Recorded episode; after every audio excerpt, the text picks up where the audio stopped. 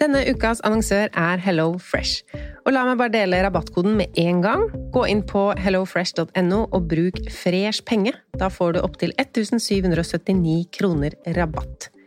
Og i dag tenkte jeg å snakke om matplanlegging ut ifra et hva vil jeg egentlig putte i kroppen min-perspektiv.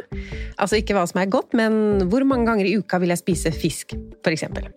Og med Hello Fresh-appen så er dette så fint. Du velger bare ut fra en liste hvilke fem eller fire eller tre middager du vil spise uka etter. Og så kommer matkassa til deg på døra. Og du trenger ikke å tenke noe mer på hva du skal spise. Denne uka så blir det for meg to fiskeretter, to vegetarretter og en kyllingmiddag til guttene. Gå inn på hellofresh.no og se selv hva du kan velge mellom. Bruk koden FRESHPENGE for å få opptil 1779 kroner rabatt på de første seks matkassene dine, pluss gratis levering på den første kassa hvis du ikke har prøvd Hello Fresh tidligere. Rabatten kan du også bruke hvis du har vært kunde hos Hello Fresh, men det er mer enn tolv måneder siden. Har du et enkeltpersonforetak eller en liten bedrift? Da er du sikkert lei av å høre meg snakke om hvor enkelt det er med kvitteringer og bilag i fiken, så vi eh, gir oss her, vi. Fordi vi liker enkelt. Fiken superenkelt regnskap. Velkommen til Kjemperådet! Vi har fått inn et kjempeproblem her. Jeg leser. Jeg er på ferie med familien. Det er gøy, bortsett fra at jeg har gips på begge beina. Kan ikke bade eller dra noe sted. Jeg føler meg veldig begrenset. Hilsen begrenset far. Begrenset far trenger ubegrensethet. Yes. Ja, Kanskje ubegrenset data fra 399 med familierabatt hos Telenor? Ja, det løser jo alt! Bortsett fra det med badingen, da. Se nye mobilabonnement på telenor.no. Yes!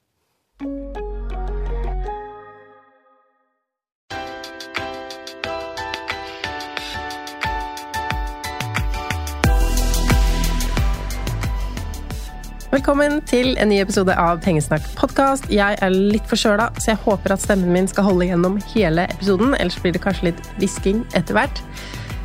Fremover skal du ha flere gjester i podkasten, til og med noen internasjonale, så det kan du glede deg til, men i dag er det bare meg. Og jeg skal starte med å lese noen sider fra boka mi, Pengesnakk. Um, Den kom ut i 2020, i januar. Og rett før påske så ble den anmeldt i Aftenposten, som var ganske gøy. Det er jo uvanlig at en bok anmeldes så lenge etter at den er gitt ut. Eh, Men det var ikke noe terningkast, og litt vanskelig å skjønne om egentlig anmelderen likte boka eller ikke. Men eh, uansett, her kommer et utdrag fra boka eh, og kapittelet Verdien av småpenger. Det er bare småpenger, er en ødeleggende setning, og jeg hører den ofte. Når vi sier at det er bare småpenger, ødelegger vi for vår egen rikdom. La meg fortelle deg en ting som er så selvsagt at vi glemmer å tenke over hva det faktisk betyr. Store summer er bygget opp av småpenger. Det kommer ikke en dag hvor du plutselig har en million kroner på konto uten at du først har spart tiere og hundrelapper. Ti pluss ti pluss ti pluss ti pluss ti det blir en hel haug til slutt. Og kanskje er det ikke tiere du snakker om som småpenger. Kanskje du mener at 200-lapper også er bare småpenger, nesten uten verdi. Men 200 pluss 200 pluss 200 pluss 200 pluss 200 blir fort større summer. Hvis vi mener at det ikke er så farlig å bruke små summer fordi de i seg selv er små, blir vi aldri rike. Det er lett å bruke 258 kroner på en lunsj ute, men du kunne også hatt med matpakke. 299 kroner for en kjole høres lite ut, men det er dumt å bruke penger på en kjole du ikke er sikker på om du kommer til å ha på deg. En bodylotion i en fin flaske kan koste 169 kroner, men du har kanskje andre kremer hjemme? 280 kroner på takeaway kjørt hjem til deg om kvelden er ikke store summen. Du er jo sliten etter en lang dag, og alle trenger mat, men du kunne laget noe å spise av det du finner på kjøkkenet. En slik dag med bare småpenger er over 1000 kroner du kunne ha spart. Hadde hver dag vært som denne, hadde sparepotensialet vært på 365 000 kroner i året. Er det også småpenger? Nei, det er det ikke. Så hvor går grensen? Finnes det en sum som er så liten at den ikke har noen verdi? Jeg syns ikke det. Småpenger har en verdi. Det er småpenger det er lettest å spare. Og småpenger blir store penger over tid. En nyslått millionær som mister en tier, er ikke lenger millionær. Hun har 999 990 kroner. Hver krone teller når vi sparer. Så ikke undervurder verdien av en eneste krone i en tusenlapp. Hver av kronene er like mye verdt. Den som gjør at verdien tipper fra 999 til 1000, er ikke mer verdt enn den aller første, eller krone nummer 435. Vi ødelegger for oss selv i fremtiden hvis vi ikke slutter å tenke på småpenger som verdiløse, og motsatt. Vi gjør noe bra for oss selv og vår økonomi hvis vi begynner å tenke på småpenger som verdifulle. Ikke tenk at det ikke vil utgjøre noe om du sparer 150 kroner i måneden. Allerede etter et halvår har dette blitt 900 kroner, og det er jo bare starten. Kanskje klarer du i andre halvår å øke til 185 kroner i måneden. Da har du spart over 2000 kroner første år. Starten på formuen din. Din helt egen formue. Sparing av småpenger er også starten på en god vane. Du venner deg til å spare, og til å se verdien små summer har. Får du en liten lønnsøkning, kan du øke beløpet du sparer hver måned. Det hadde du kanskje ikke tenkt på hvis du ikke allerede hadde etablert en sparevane. Hvis du ikke skal starte nå, med et lavt beløp, når skal du da starte? La meg fortelle om de første pengene jeg sparte. Jeg hadde en sparebjørn. Jeg sparte femtilapper jeg fikk i bursdagsgave i barndommen, og hundrelapper jeg fikk i ukelønn. Å vaske familiens bad var mitt ansvar, og gjorde jeg det, fikk jeg ukelønn. Og det lærte meg noe om verdien av penger. For hundrelappene var, og er kanskje småpenger for noen, men samtidig er de så mye mer. De har en verdi. Hadde jeg ikke spart disse pengene, hadde jeg kanskje ikke visst at små kroner blir mange om man sparer de små beløpene mange ganger. Og jeg hadde kanskje ikke tenkt over at jeg kunne spare en del av lønna mi når jeg begynte å jobbe. Jeg hadde kanskje heller ikke trodd at jeg kunne spare samtidig som jeg var student, og når jeg begynte i jobb, hadde jeg kanskje tenkt at jeg heller kunne begynne å spare når jeg tjente litt bedre. Heldigvis gjorde jeg ikke det.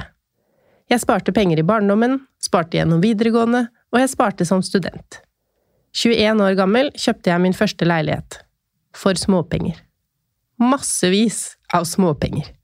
Småpenger jeg hadde samlet sammen i årevis. Ingen kan få meg til å undervurdere verdien av småpenger.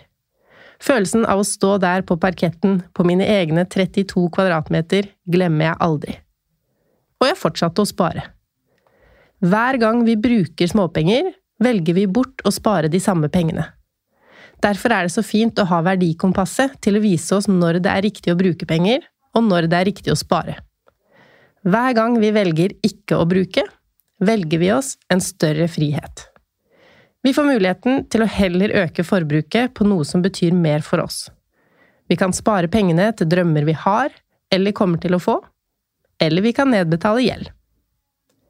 Slutt med å kjøpe bærepose på butikken.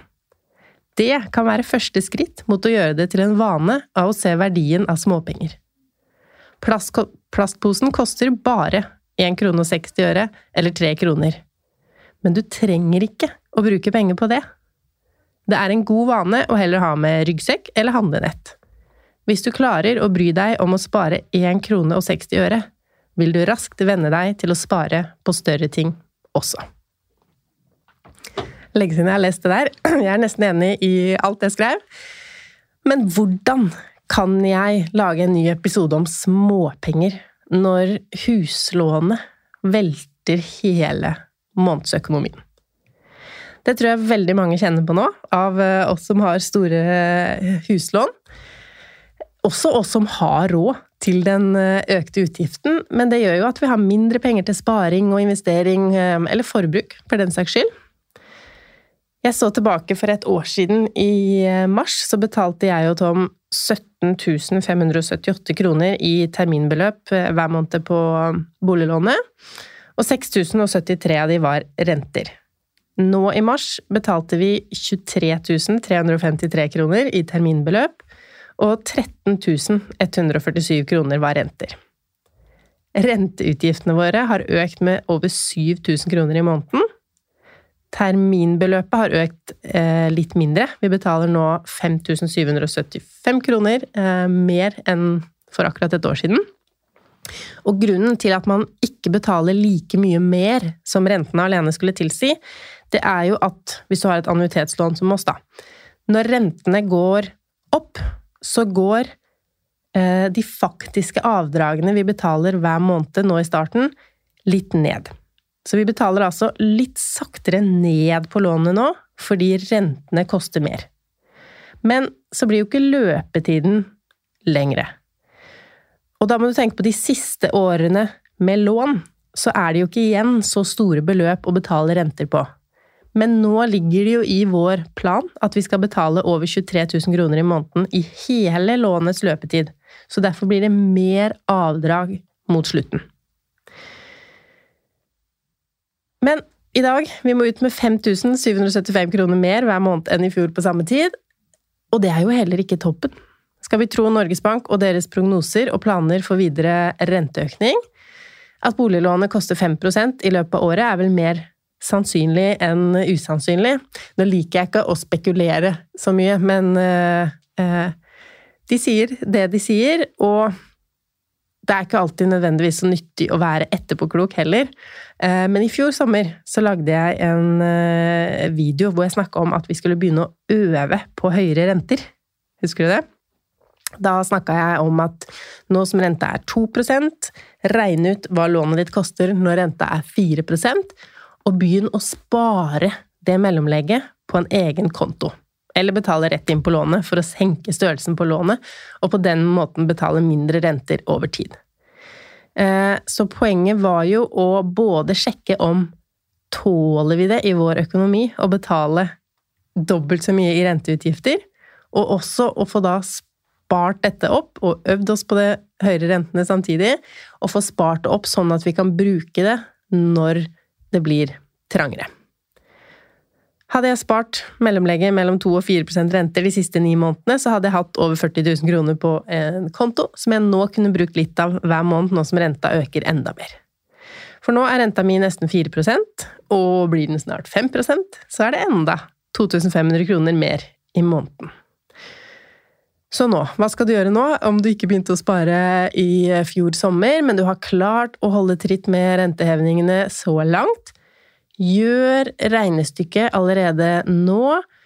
Finn ut, hvis du googler boliglånskalkulator, så kan du bruke enten den i den banken du har lån i, eller i hvilken som helst annen bank, og sette inn 5% rente. Og så ser du hva koster det. Sett gjerne podkasten på pause til du har sjekka ut det, og så kom etterpå tilbake og hør hvordan fokus på småpenger kan hjelpe deg med dette her. Jeg snakket før eh, påske om å tenke større enn måned til måned i økonomien. Samtidig, eller som en del av det, så kan vi jo ikke gå i minus hver måned over tid. Så hva gjør du om boliglånet koster så mye at du nå går i minus hver måned, eller kommer til å gjøre det snart. Mange vil tenke på avdragsfrihet som en løsning. Avdragsfrihet er noe banken kan gi deg hvis du har betalt ned en del på lånet ditt, eller har et så at, at boligen din er mye dyrere enn det du har i eh, lån. Og da betaler du fortsatt renter hver måned, men du betaler ingenting ned på lånet. Altså du har avdragsfrihet. Og det er en løsning du kan ha en periode. Eh, en lang periode òg, for så vidt. Eh, det positive med avdragsfrihet er at utgiftene dine hver måned blir lavere. Fordi du betaler ikke noe avdrag, du betaler bare renteutgifter. Det negative med det er jo at når du utsetter innbetalinga av lånet. Altså lånet ditt kommer til å være fortsatt like høyt uh, helt så lenge du har avdragsfrihet, uh, og utgiften forsvinner ikke. Lånet ditt blir totalt sett dyrere fordi det blir lengre tid med høyere lån når du ikke betaler noe ned. Og så ødelegger du kanskje for mulighetene til å bytte bolig når du ønsker det, eller blir nødt til det. Um, så for å si det i klartekst, så er det mye jeg ville gjort før jeg gikk for avdragsfrihet. Så hva annet kan vi gjøre? En mulighet er jo å låne noen penger, da. For um, å betale ned en sum på boliglånet, eller for å bruke det hver måned for å kunne betale på lånet med de økte renteutgiftene. Og her håper jeg du tenkte når jeg sa det, at det høres ut som en dårlig idé, Lise. For det er det virkelig. Altså en kortsiktig løsning, jeg vil ikke kalle det en løsning engang, det er en forverring av et problem. Hvis man tar opp dyre lån for å betale billige lån, det er dumt. Eh, og når jeg snakker om dyre lån, så tenker jeg på forbrukslån, kredittkort. Selv om 5% boliglånsrente er noe vi nå kaller høyt, så er jo det historisk sett lavt og det er også lavt sammenlignet med forbrukslån, f.eks. Så det var dårlig idé nummer to. Enda dårligere enn avdragsfrihet. Um, så her kommer en tredje mulighet. Vi får se hvor god eller dårlig den er. Uh, hvis du har studielån, der kan du jo utsette innbetalingene en del måneder for å heller bruke de pengene du nå bruker på studielånene hver måned, til boliglånet ditt. Men studielånet blir jo heller ikke borte. Du bare skyver det framover i tid. Eh, men der kan du altså utsette både, altså hele avdraget, både renter og avdrag. Men du skyver det da fremover i tid. Eh, men har du lavere rente der enn på boliglånet, så kan jo det hjelpe deg en liten stund.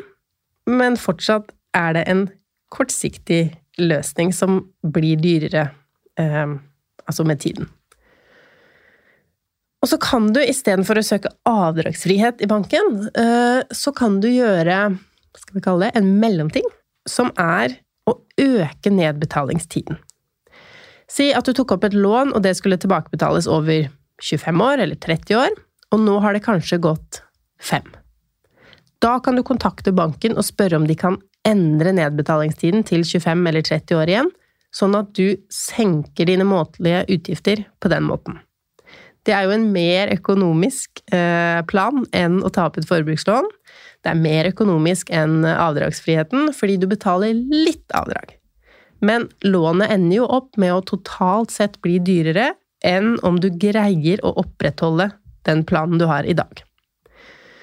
Og du kommer til å holde på med boliglånet ditt i fem år ekstra av livet ditt, da. Hvor du kunne hatt en større økonomisk frihet de årene. Så hva skal du heller gjøre? Det høres ut som jeg bare kommer med dyre og dårlige forslag her.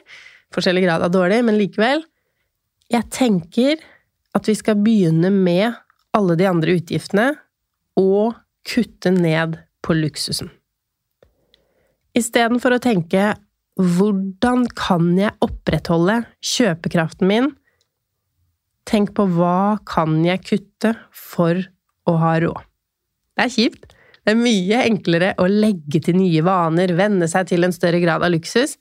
Så jeg skal gi deg noen tips. Um, vet du forresten hvorfor sentralbanken fortsetter å sette opp renta?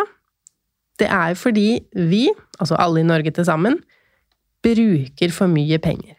De har satt opp altså dette er en forenkling, men dette er en av grunnene, de har satt opp renta flere ganger for å tvinge oss til å bruke mindre. Men hva gjør vi? Vi prøver å være smartere, sånn at vi kan opprettholde kjøpekraften vår nå, selv om vi kommer til å betale dyrere for det i fremtiden. Både i form av renter og i form av renter. Renter og renter Ja, det blir riktig. Eh, I form av eh, Altså at vi betaler mer renter om vi tar avdragsfrihet, eksempel. Og renter som i at rentene fortsetter å øke, og holder seg kanskje høye lengre hvis vi fortsetter å kjøpe som da renta var rundt null. Så her har vi muligheten til å både hjelpe oss selv og andre ved å kutte i luksusen. Eh, og jeg vil også si redefinere luksusen. For hva er luksus? Jeg elsker luksus. Eh, noen hører det ordet og tenker kanskje at luksus det er jeg ikke interessert i. Jeg tenker bare luksus betyr herlig. Noe som er å, det er så luksus. Det er positivt. Og jeg vil at du også skal oppleve mer luksus i ditt liv, men da luksus som ikke koster skjorta, kanskje. Som i mammas eksempel fra forrige uke. En kaffe på trappa den første vårsola. Det er følelsen av luksus. For meg, nylakkerte negler, det føles luksus, selv om jeg har lakka dem selv.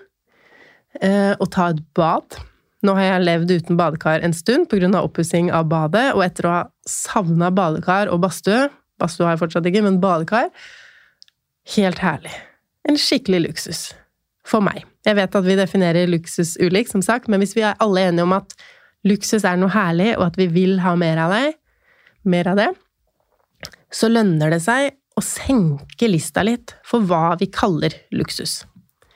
Tenk på det. Um, jeg delte noe fra oppussinga her hjemme, og jeg kalte det vi gjør i kjelleren vår, som var en råkjeller som vi nå gjør om til bolig, det kalte jeg for luksus. Og da var det noen som skrev til meg at det er jo ikke luksus å pusse opp. Uh, og man kan jo si at det ikke er luksus å pusse opp et bad som faktisk var ødelagt, som er det vi nettopp er ferdig med. Men jeg tenker luksus når jeg ser det nyoppussa badet mitt. Altså, det ser ut som luksus, uh, det føles luksuriøst. Det er jo luksus. Det er rent, varmt, pent. En herlig følelse. Og så tenker jeg, og det er ingen som taper på at jeg definerer det nye badet mitt som rein luksus, selv om det var på tide å pusse det opp. Og prislappen på renovering av bad, det bør tilsi at dette her er luksus. Og i tillegg til bare hvordan vi tenker på noe, så kan vi gjøre bitte små ting for å øke følelsen av luksus. Jeg drikker brus av og til, og et lite hack jeg da har, er å ta isbiter og lime eller sitron, om jeg har det, bruke et vinglass til og med, sånn at jeg får opplevelsen av å drikke brus fra eh, som jeg kanskje tenker Du er litt teit som bruker penger til, på brus, Lise. Det er også usunt, det er dårlig for tenna dine. Til følelsen Nå nyter jeg livet. Setter litt gullkant på tilværelsen ved å kose meg med dette glasset. Sparer til og med litt penger hvis alternativet var vin denne kvelden. Um, andre småting Altså, vi kan jo lure oss selv helt uten å endre noe som helst, eller ikke lure oss, men bare velge at dette gidder jeg ikke å se på som hverdagslig, men legge inn masse takknemlighet og se hvor luksuriøst det du driver med, egentlig er. Tenk hva ville andre tenkt? Um, en ting som også hjelper på, hvis du um, Hvis du gir penger til veldedige organisasjoner som fokuserer på fattige land, sultproblematikk, flyktninger, skolegang, malaria. Eh, da får man litt sånn info, enten på mail, og noen sender brev i posten, hvor det blir veldig tydelig, iallfall for meg, hva slags luksusliv vi faktisk lever her, de aller fleste av oss. Og vi glemmer å sette pris på det. Så det kan jo være tips. Eh, det høres kanskje teit ut å gi til veldedighet av egoistiske grunner, og det her er egentlig noe jeg har tenkt på litt i det siste. Hvorfor man gir, og hva det har å si. Eh, jeg syns det er mer enn innafor å gi til veldedighet av egoistiske grunner. Altså hvis du selv kan få en glede av å gi, hvis du gir det, gjør Altså Hvis du gjør det som et ledd i opplæringen av barna dine, at de skal få se hvordan andre har det i verden, eh, hvis det setter ting i perspektiv for deg, hvis det får deg til å føle deg rik, at du kan gi til andre, så gi av de grunnene òg. Altså, mottakeren får penger, og det spiller ingen rolle for dem om det var av 100% godhet, eller om det var litt egoisme inni det òg. Summen du gir, hjelper dem like mye. Jeg snakka med noen eh, litt eldre karer fra kirken her om å gi til veldedige formål, og da spurte han ene om er det egentlig veldedighet eller burde vi kalle det rettferdighet? Og jeg ser poenget hans, og at verden er urettferdig, og at vi gjennom det vi kaller veldedighet, får rettet opp bitte litt. Eh, men så syns jeg vi må få kalle det det vi vil. At vi ikke trenger å si 'det skulle bare mangle at vi som har mye, deler mer'. For selv om det er sant, så er jo ikke det en grunn som taler til alle. Hvis jeg har lyst til å føle meg snill, som gir summer hit og dit, så la meg få kalle det veldedighet, og pengene jeg gir, er like mye verdt for mottaker, uansett grunn til at jeg sendte dem. Altså, om jeg egentlig gjør det mest for meg Altså, nok om det. jeg liker noen former for billig luksus, og jeg liker noen former for dyr luksus. Og det er også viktig for meg å sette pris på de dyre tingene. Anerkjenne at ja, det koster penger å dra hele familien på badeland, som vi koser oss. Så heldige vi er som har nok penger til å gjøre det. Og så er det jo luksus å gå på biblioteket òg. Og gratis, helt gratis, kunne låne masse bøker, og at barna kan kose seg med god og dårlig litteratur i fine lokaler. Altså, dette ble en podkast med mange poenger i alle retninger. Men jeg har i hvert fall fått få med det tipset. Senk lista for hva du definerer som luksus. Da vil du kunne leve et mer luksuriøst liv, selv om du må bruke mindre penger i tiden fremover. Så hva må du kutte ut for å få råd til å betale 5% rente på boliglånet ditt? Skal vi se litt på det regnestykket? La oss si det er snakk om 2500 kroner økning fra nå, eller til sammen, at ditt boliglån har økt med det mye. Hvor skal vi finne de pengene hver måned? Hvor skal vi begynne? Jeg har lyst til å gi deg en liste med tips, og jeg begynner med øh, en som handler om litt måned til måned og ikke livstidsperspektiv, men juster skattekortet. Så du ikke betaler for mye i skatt nå. Hvis det er trangt hver måned, så er dette en viktig ting å gjøre. Fordi når du betaler mer i rente enn skatteetaten hadde regna med, så blir jo også rentefradraget ditt høyere. Og da betaler du litt mindre i Og hvis du betaler litt mindre i skatt hver måned, så har du jo litt mer til boliglånsregninga. Andre ting, eh, gjør den øvelsen fra forrige uke, eller var det uka før der, hvor jeg snakka om å finne måter å tjene mer penger på. Kanskje en ekstravakt eller et jobboppdrag i måneden kan eh, være det som skiller om du går i null eller pluss, eller å unngå at du går i minus. Og dette med småpenger. Det var jo planen min å snakke mest om det i dag. Det handler mye om en innstilling. Det jeg leste fra boka om um, å ta med handlenett, det føler jeg også er et sånt grep for å ha den rette innstillinga på butikken. Altså når du har tatt med handlenett, eh, da har du allerede bestemt hjemme at du er en som bryr deg om småpenger. Og du legger de handlenettene i vogna eller kurven og ser dem gjennom hele handleturen og veit at jeg er en som bryr meg om å spare tre, seks, ni kroner. Da bryr jeg meg også om å se på prisene her. Da bryr jeg meg om å sammenligne varer. Du vet at småpenger har en verdi, og du vet at det er mye enklere å spare små kroner her og der og droppe kjøp som ikke egentlig har noen verdi for deg. Still mer spørsmålstegn ved kjøper jeg dette her fra vane? Er jeg villig til å bytte til en rimeligere variant? Eller til å gjøre det sjeldnere? Kutte ut noe annet? Um, jeg har juksa litt i dag, siden jeg er syk, så jeg har bedt en internettrobot om å gi meg 15 måter å spare småpenger på. Så her kommer en eh, liste. Jeg får kommentere underveis om jeg er enig eller ikke. Tips nummer én kutt ut daglige impulskjøp som kaffe, snacks og småting som du egentlig ikke trenger. Den kan jeg vel stå inne for. Planlegg ukentlige måltider og handlelister, så kan du handle mer effektivt og unngå unødvendige kjøp. 100% enig der eh, også. Når man har en handleliste, så er det så mye enklere for hjernen nå å bare gjøre de tingene uh, som står på lista, og du slipper å ta så mange valg at du er helt ferdig i hodet med å ta valg når du kommer til uh, fristende søtsaker rett rundt kassa der. Punkt tre Bytt ut restaurantbesøk med å lage mat hjemme, og inviter venner over til middag. Den er også fin, og ofte så snakker vi om å spare penger på butikken, men når man sammenligner hva man kan kjøpe på butikken for penger man bruker på et restaurantbesøk, så kan man jo kjøpe masse, masse på butikken. Så da kan du heller invitere venner til middag. Bruk rabattkoder og kuponger når du handler på nett eller i butikk. Den eh, Jeg er jo for at man skal undersøke beste pris når man skal ha noe nytt. Kanskje se om man kan eh, altså sjekke bruktmarkedet.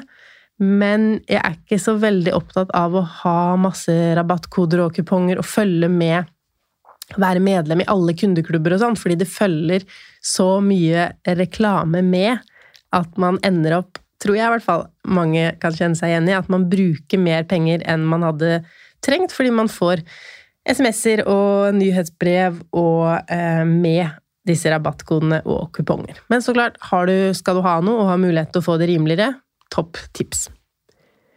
Søk etter gratis alternativer når du skal underholde deg selv eller familien, som turer i naturen eller besøk til gratis museer. Fint tips.